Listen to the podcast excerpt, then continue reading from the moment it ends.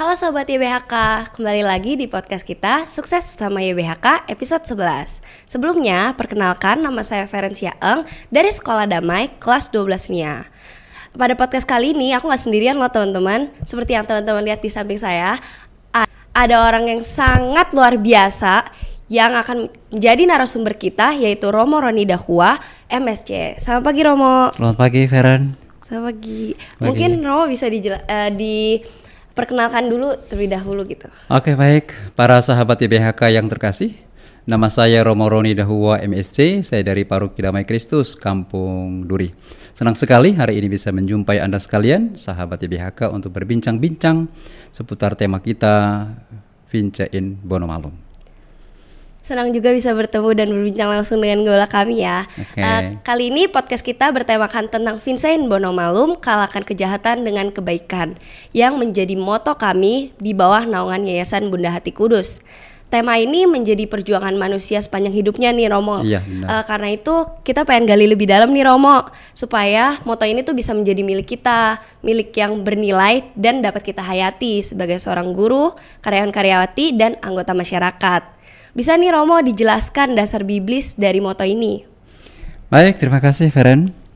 Para sahabat IBHK yang terkasih, uh, memang tema kita pada hari ini Vincein Bono Malum atau kalahkanlah kejahatan dengan kebaikan mempunyai dasar yang sangat kuat dengan kitab suci.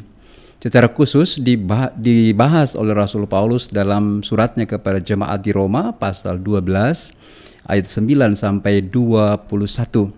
Dan kita semua tahu bahwa surat Rasul Paulus kepada jemaat di Roma ini adalah surat yang terpanjang dan terhebat. Karena di sana memang Rasul Paulus banyak berbicara tentang kehidupan baru sebagai orang-orang yang percaya kepada Kristus Yesus Tuhan kita. Dan tema kita pada hari ini Vincein Bono Malum atau kalahkan kejahatan dengan kebaikan itu ada di dalam teks uh, Roma 12 ayat 9 sampai 21 khususnya pada ayat 21. Dan kalau kita membaca secara lengkap cerita ini Rasul Paulus mengajak umat di Roma pada waktu itu untuk hiduplah dalam kasih. Kalahkan kejahatan dengan kasih, hendaklah semangatmu jangan kendor, tapi berkobar-kobarlah selalu Bersukacitalah selalu, jangan balas dendam, tapi berikanlah yang terbaik kepada saudara-saudarimu. Karena apa? Karena Allah akan membalaskan segala kebaikan kepadamu dengan kasih dan berkat yang melimpah. Oleh karena itu para sahabat IBHK, kalau hari ini kita berbicara tentang tema Vince in Bono Malum adalah tema yang sangat menarik sebenarnya untuk kita sekalian keluarga besar. Agar dalam kehidupan ini kita belajar untuk hidup di dalam kasih yang sejati. Sebenarnya tema ini juga punya padanan dengan sebuah ungkapan Latin juga Vincit omnia er et amor. Artinya kalahkanlah segalanya dengan cinta kasih. Dan Yesus sendiri pun datang ke dunia ini juga tujuannya adalah mengalahkan kejahatan, mengalahkan kuasa dosa dan maut. Oleh karena itu, teman-teman sekalian, kalau kita berbicara tentang Vincent Bonomalum secara alkitabiah, maka kita pasti akan menemukan itu di dalam yang saya katakan tadi, surat Rasul Paulus kepada jemaat di Roma pasal 12 ayat 9 sampai 21, di mana Paulus mengajak kita sekalian keluarga besar YBHK untuk hidup dalam kasih dan hanya kasih yang akan mengalahkan kejahatan dalam kehidupan kita. Saya kira begitu, Feren. Oke, kayak tadi yang Romo bilang ya, ya. pasal 12 ya kalau nggak ya, salah ya. Pasal 12 pasal 12 sampai ayat. 21. Ya, benar. tapi tadi kan Romo bilang kita berarti intinya kita nggak boleh uh, melawan kejahatan biar nanti Tuhan aja yang balas yes. kejahatan itu ya. ya Oke, kejahatan itu kan selalu ada dari zaman dulu sampai sekarang nih Romo. Ya. Seperti kata Pak pepatah nih, uh, patah satu tumbuh seribu. Tuh. Juga kadang-kadang kan kita secara manusiawi pasti merasa lelah Tuh. saat menghadapi berbagai resiko yang gak enak gitu kan. Gimana sih Romo tanggapan Romo tentang hal ini? Apa yang harus menjadi pedoman dan prinsip dalam hidup kita nih? Oke. Okay. Baik, para sahabat IBHK yang terkasih, ini pertanyaan yang sangat menarik ya untuk kita renungkan bersama-sama. Memang kejahatan itu sudah ada sejak dahulu dan tidak akan pernah berakhir. Ini kita ingat ketika Yesus bercerita kepada murid-muridnya tentang perumpamaan lalang di antara gandum ya. Murid-murid itu keberatan kepada Yesus. Yesus kan yang kita tanam ini gandum, kenapa ada lalang? Kita cabut yuk supaya gandumnya bisa tumbuh dengan baik. Tapi Yesus menjawab murid-muridnya jangan, biarkanlah lalang itu tumbuh bersama dengan gandum. Karena kalau kita cabut lalangnya, gandumnya kemungkinan besar ikut tercabut. Dan kalau kita memang merenungkan kehidupan manusia sejak dunia diciptakan kejahatan sudah ada, yaitu ketika Adam dan Hawa melawan perintah Tuhan dalam hidup mereka. Dan memang kadang kita melawan kejahatan itu sesuatu yang memang tidak mudah ya. Kadang butuh resiko yang sangat yeah. berat. Bahkan kita harus berkorban dalam banyak hal untuk yeah. melawan melawan kejahatan. Tetapi para sahabat YBHK yang terkasih, kita tidak boleh tidak boleh kalah dengan yang namanya kejahatan ini. Harus terus-menerus kita berjuang. Memang kejahatan itu selalu ada dalam hidup kita, bukan berarti kita kemudian larut dalam kejahatan, tapi dalam kejahatan itu kita belajar untuk mengenal kebaikan dalam hidup kita. Saya kira ini yang terpenting. Jadi prinsip kita itu kita tidak usah kalahkan dalam arti kita tidak usah mengatakan ah kejahatan pada waktunya akan segera berakhir. Enggak, kejahatan akan tetap ada. Cuman bagaimana kita belajar melakukan kebaikan ketika berhadapan dengan kejahatan. Jadi oh. Tuhan memakai kejahatan itu agar kita juga mengenal kebaikan dalam hidup kita. Jadi ketika kita lihat orang berbuat jahat, ah itu nggak bagus kita nggak boleh buat seperti itu kita harus berbuat yang baik ini ada teman saya membenci sesamanya ini ada rekan guru atau rekan siswa membenci sesamanya nah kita oh itu nggak baik kita nggak boleh seperti itu kita harus melakukan sebaliknya yaitu mengasihi mereka dan menerima mereka apa adanya saya kira seperti ini. Oke, berarti dari prinsip itu kita belajar kalau misalnya kita tuh gak boleh berpikir kalau kejahatan itu bakal kelar ya, bakal ya, selesai. Ya, Jadi kita harus selalu ada. berpikir kejahatan itu selalu ada supaya kita bisa selalu berbuat baik ya. berbuat ya. baik ya. Oke, okay. uh, bisa nggak sih Romo kasih kita contoh di kehidupan Romo sendiri ya. uh, kejahatan bisa dilawat dengan kebaikan? Oh, Oke okay, baik. Contoh uh, baik uh, sahabat IBHK yang terkasih Contohnya sangat sederhana dan saya sendiri sebagai pribadi, sebagai manusia juga sering mengalaminya sekalipun seorang romo ya. Yeah. Karena kadang kan kita kadang tinggal bersama-sama dengan teman-teman, dengan umat. Yang kadang kan ada umat memang yang nggak senang pada kita. Yeah. Bahkan ada umat yang misalnya gosipin romonya, yeah. diceritakan yang nggak baik tentang romonya. Romonya sudah berbuat yang terbaik, sudah melayani dengan baik. Tapi ada saja orang-orang yang tidak senang dengan romo. Artinya diceritakan hal-hal yang tidak baik, menjatuhkan romo dan sebagainya. Atau juga dalam kehidupan teman-teman, kehidupan para guru ya Kadang kita sudah berbuat yang terbaik, ada rekan guru kita yang iri, yang mau jatuhkan kita, yang ceritakan kekurangan kita, atau teman-teman kita juga. Tapi di sinilah saya secara pribadi saya belajar untuk sekalipun saya tahu orang itu berbuat jahat kepada saya, menjatuhkan saya, tapi saya selalu berusaha untuk melayani mereka dengan sebaik-baiknya, mengasihi mereka dengan sebaik-baiknya. Kalau mereka datang minta pelayanan, sekalipun saya tahu orang ini pernah lukai saya, tapi saya melupakan itu dan saya belajar untuk tetap menerima mereka dan melayani mereka apa adanya sih. Oh, itu contoh okay. yang sederhana ya. Atau kalau nggak contoh lain misalnya seperti orang tua saya dulu saya masuk pastor kan orang tua saya nggak suka. Itu papa saya waduh keras banget ya keras banget sampai memang kata-katanya kasar tapi ketika saya menjadi pastor saya kemudian belajar untuk mengampuni dan menerima orang tua. Jadi sebenarnya pengampunan itu adalah cara kita mengalahkan kejahatan dalam hidup kita. Menerima orang lain itu adalah okay. cara kita mengalahkan kejahatan dalam hidup kita. Gitu. Iya, ya. mungkin itu contoh dari Romo ya. ya. Uh, mungkin balik lagi ke aku ya. Aku punya temen nih Romo. Ya. Dia tuh kayak selalu dimanfaatin gitu sama teman lain. Yeah. Kayak dia selalu didekatin buat kayak misalnya diminta uang atau apa gitu mm. kan. Kayak ada beberapa teman-teman yang lain tuh juga bilang ke dia, "Kamu jangan kasih gitu dong, jangan kasih gitu aja. Kamu tuh cuma dimanfaatin. Hmm. Dia tuh deketin kamu cuma minta uang gitu. Tapi tuh teman aku ini tuh selalu aja dia tuh selalu kayak gak apa-apa, gak apa-apa kalau misalnya ada duit ya udah kalau dia butuh gitu. Jadi kan kayak dia tetap berusaha berbuat baik gitu kan dari kejahatan itu. Nah, terus kita lanjut nih ya Romo. Ya, dari kejahatan melawan kebaikan ini, eh, kira-kira ada nggak sih Romo kesamaan dari kelemahan yang kita punya dikalahkan oleh kelebihan yang kita punya? Baik, uh, memang ada beda ya antara kejahatan dan kelemahan ya. ya.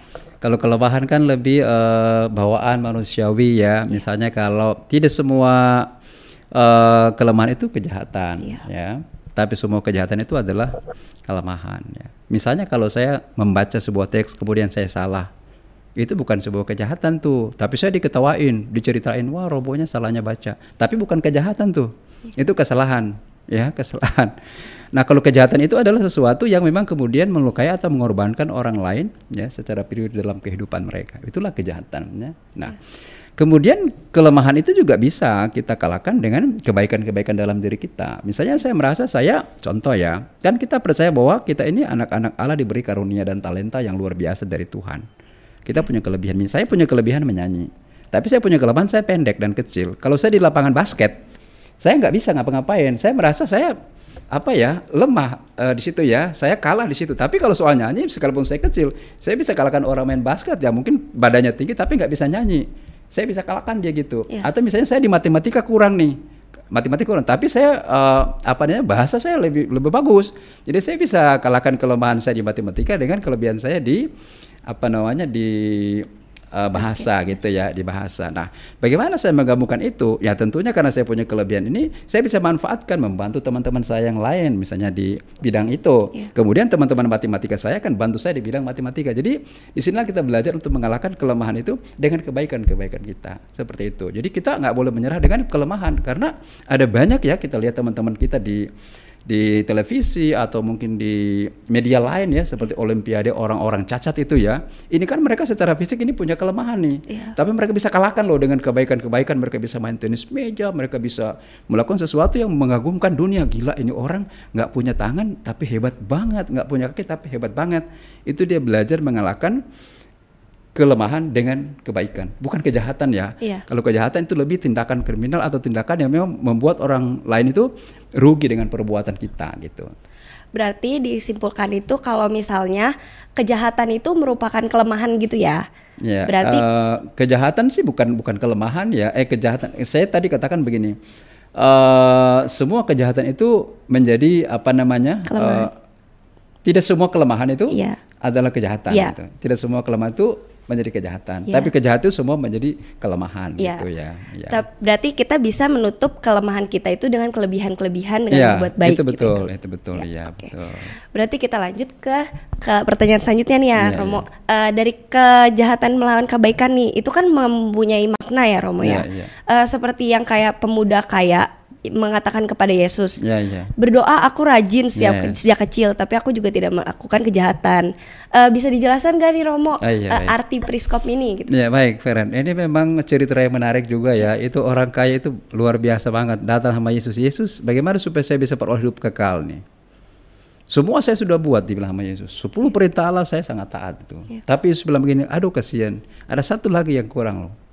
Pergi jual hartamu, terus beri pada orang miskin, dan kemudian datang ikut saya. Orang kayak ini kasihan pergi, nggak tahu ke mana menghilang. Nah, maknanya bagus banget nih, Feren, para sahabat YBHK yang terkasih. Maknanya adalah sebenarnya dalam perikop uh, Rasul Paulus kepada jemaat di, di Roma, di mana uh, Vince in Bono Malum ini berada ya, teks uh, 12 ayat 9 sampai 21, di bagian cerita itu Yesus katakan mengenai prinsip kasih yang tulus, kasih yang sejati.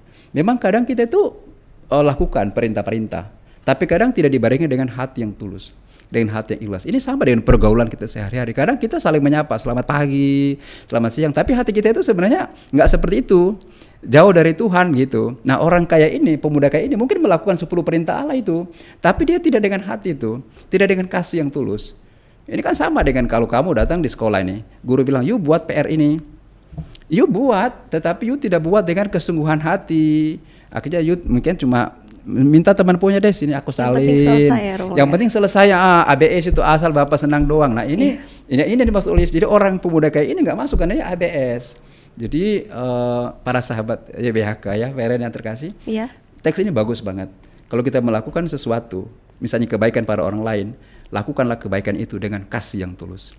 Ya. Karena ada orang saya bisa beri handphone ini kepada kamu, tapi saya bisa bersungut-sungut dengan hati yang tidak tulus, tidak ikhlas. Oke. Okay. Gitu, ya. Berarti itu. kesimpulannya itu kita bisa ambil dari penjelasan Romo nih kan teman-teman.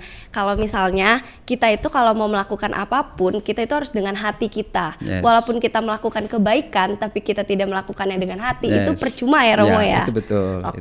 Okay. Gimana sih Romo uh, supaya Bapak Ibu guru teman-teman sekalian di rumah sama karya-karyawati itu bisa mengimplementasikan diri yeah. pada pelajaran sekolah? Baik, uh, para sahabat IBHK, khususnya para guru ya dan karyawan-karyawat yang disapa oleh Feren pada hari ini dan para siswa sekalian, bagaimana supaya itu diimplementasikan dalam kehidupan kita bersama. Saya kira yang pertama adalah kita harus sama-sama menyadari bahwa kita ini sebagai satu keluarga. Ini penting pertama. Kita sebagai satu keluarga. Ya orang tua, ya para guru, karyawan, karyawati, para siswa-siswi. Kita ini satu keluarga. Sehingga kita dipanggil untuk saling mengasihi satu sama lain. Kita berbuat baik satu sama lain. Kita melakukan sesuatu yang membuat kita punya sahabat, kenalan, teman-teman kita dalam keluarga IBHK ini bertumbuh dan berkembang. Dan kita mesti kalahkan memang kemanusiaan kita, egoisme diri kita ya, kecenderungan-kecenderungan kita untuk menyentuhkan orang lain mungkin, untuk uh, bersaing secara tidak sehat mungkin. Ini harus kita hindari dan harus kita kalahkan. Kita kalahkan dengan cara apa? Ya dengan cara kesadaran kita akan bahwa kita ini satu keluarga Allah. Kita ini putra putri kesayangan Tuhan. Berbeda-beda apa pun kita, kita mesti kalahkan itu dengan apa? Dengan satu perasaan.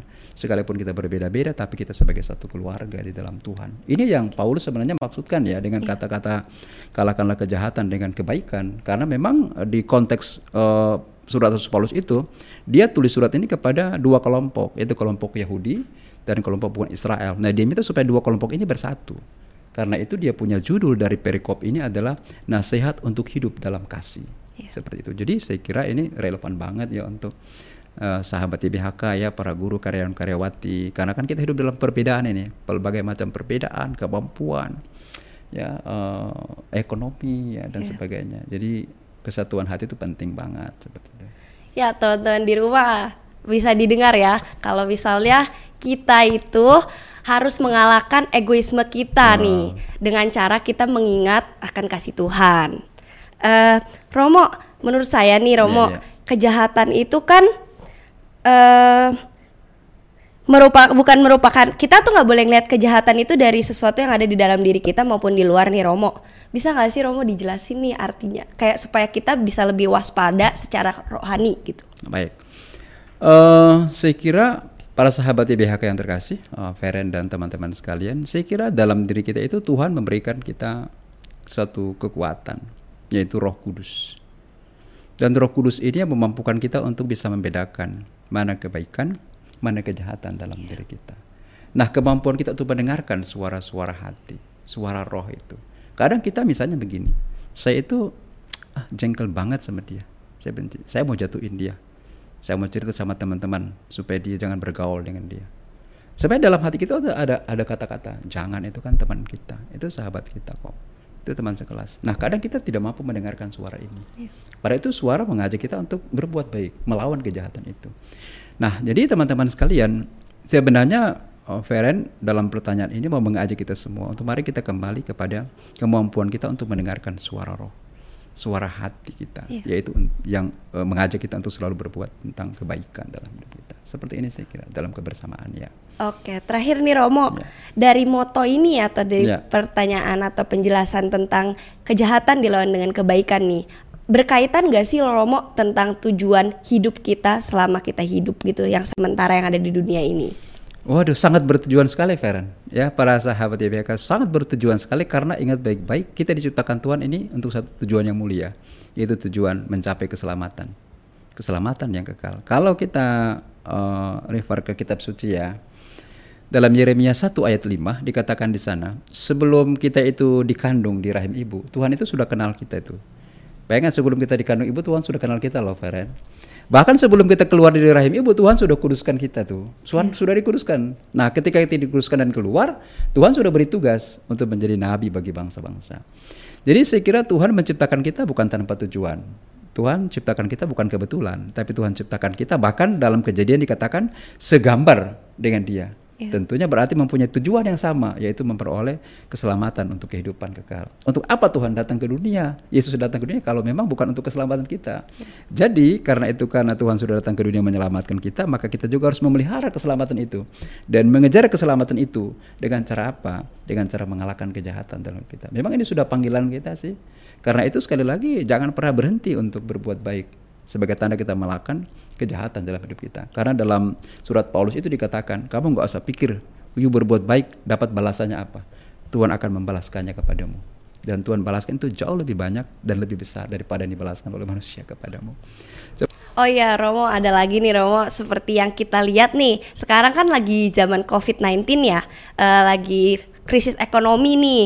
Banyak orang juga kayak pasti lebih egois terhadap diri sendiri. Gimana sih Romo? Gimana cara kita mengimplementasikan diri gitu di masa covid ini tentang Vincent Bono Malum ini? Baik terima kasih uh, Farya dan sahabat JBHK yang terkasih. Saya kira ini memang pertanyaan yang sangat menarik ya. Apalagi memang sekarang kita masih berada dalam situasi yang sulit uh, di mana COVID-19 sedang melanda dunia, bahkan mungkin termasuk eh, keluarga-keluarga kita masing-masing, bahkan komunitas CBHK sendiri mengalami dampaknya ya. Sekurang-kurangnya belajar belum seperti pada tahun-tahun kemarin. Relasi juga masih jaga jarak, belum lagi yang lebih fatal kehidupan ekonomi kita mungkin goncang dan kehidupan beriman kita pun sekarang juga belum seperti tahun-tahun kemarin kita ke gereja pun masih dibatasi hidup beragama pun masih dibatasi semuanya sehingga memang di masa pandemi ini kita terkadang cenderung menjadi seperti uh, dalam tanda petik ya uh, egois ya karena kita masih sibuk dengan diri kita sendiri, sibuk dengan pekerjaan kita sendiri, pendapatan kita berkurang, bahkan relasi suami istri pun kadang mungkin menjadi masalah, relasi dengan teman-teman pun menjadi masalah. Nah, di sinilah memang kita diajak untuk bagaimana uh, moto kalahkan kejahatan dan kebaikan ini kita memang sungguh-sungguh uh, amalkan dengan cara yang sangat sederhana. Itu kita belajar dan berani untuk memang kemudian membuka diri pada orang lain.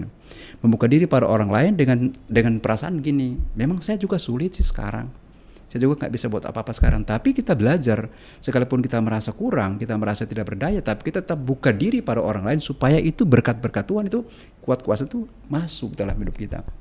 Sehingga memang saya sendiri di gereja ya, uh, saya punya paroki kebetulan di paroki Damaskus Kampung Duri. Saya selalu mengajak umat, sekalipun mereka merasa susah, ekonomi susah, kadang dalam pemberian pun susah. Saya selalu motivasi mereka untuk marilah berbagi, berbagi dan berbagi. Kita kelakkan itu egoisme diri dengan kerelaan untuk berbagi. Karena dengan berbagi kamu akan memperoleh berkat dalam kehidupan kamu. Bukan dengan menerima kita berlimpah, tapi dengan memberi kita akan berlimpah karena di situlah Tuhan akan menganugerahkan apa yang kita butuhkan dalam dan saya kira sampai sekarang saya punya umat juga belum ada yang datang. Mungkin mereka di belakang-belakang sih mengeluh Romo saya sudah kekurangan sudah terjepit banget. Tapi sekurang-kurangnya lalu penggereja mereka juga terlibat aktif dan belajar memberi sekalipun dalam apa namanya dalam uh, jumlah yang terbatas. Atau contoh misalnya di paroki kan kita punya tim crisis center paroki nih yeah. yang membantu keluarga-keluarga miskin ya obat-obatan vitamin-vitamin bahkan sekarang PSE beras dan sebagainya itu dibagi-bagikan. Itu didapatkan dari mana? Dari sumbangan-sumbangan orang lain. Nah di sinilah kita melihat bagaimana di tengah pandemi ini ternyata masih ada orang yang berusaha untuk mengalahkan egoisme diri itu dengan berbagi kepada orang lain Ya saya kira di masa pandemi ini saya kira ini memang tema kalahkan kejahatan dan kebaikan ini penting banget ya. Supaya memang kita kemudian tidak saling apalagi ya saling menyatukan ya. Itu memang harus kita uh, apa namanya uh, hindari dalam hidup kita sebagai orang-orang uh, beriman ya, orang-orang percaya seperti ini sih. Oke, mungkin itu aja nih Romo pertanyaan dari kita. Terima kasih ya, atas kasih. penjelasannya dan waktu yang sudah Romo luangkan untuk kita. Oke, teman-teman, uh, itu penjelasan dari Romo. Semoga penjelasan tersebut bisa kita hayati dan kita serapkan dalam kehidupan sehari-hari nih. Uh, Jangan lupa untuk menonton video podcast-podcast kami sebelumnya dan tantikan podcast selanjutnya di YouTube Yayasan Bunda Hati Kudus nih. Uh, saya Ferencia Eng dan Romo Roni Dahua MSC. Pamit undur diri. Bye-bye. Terima kasih.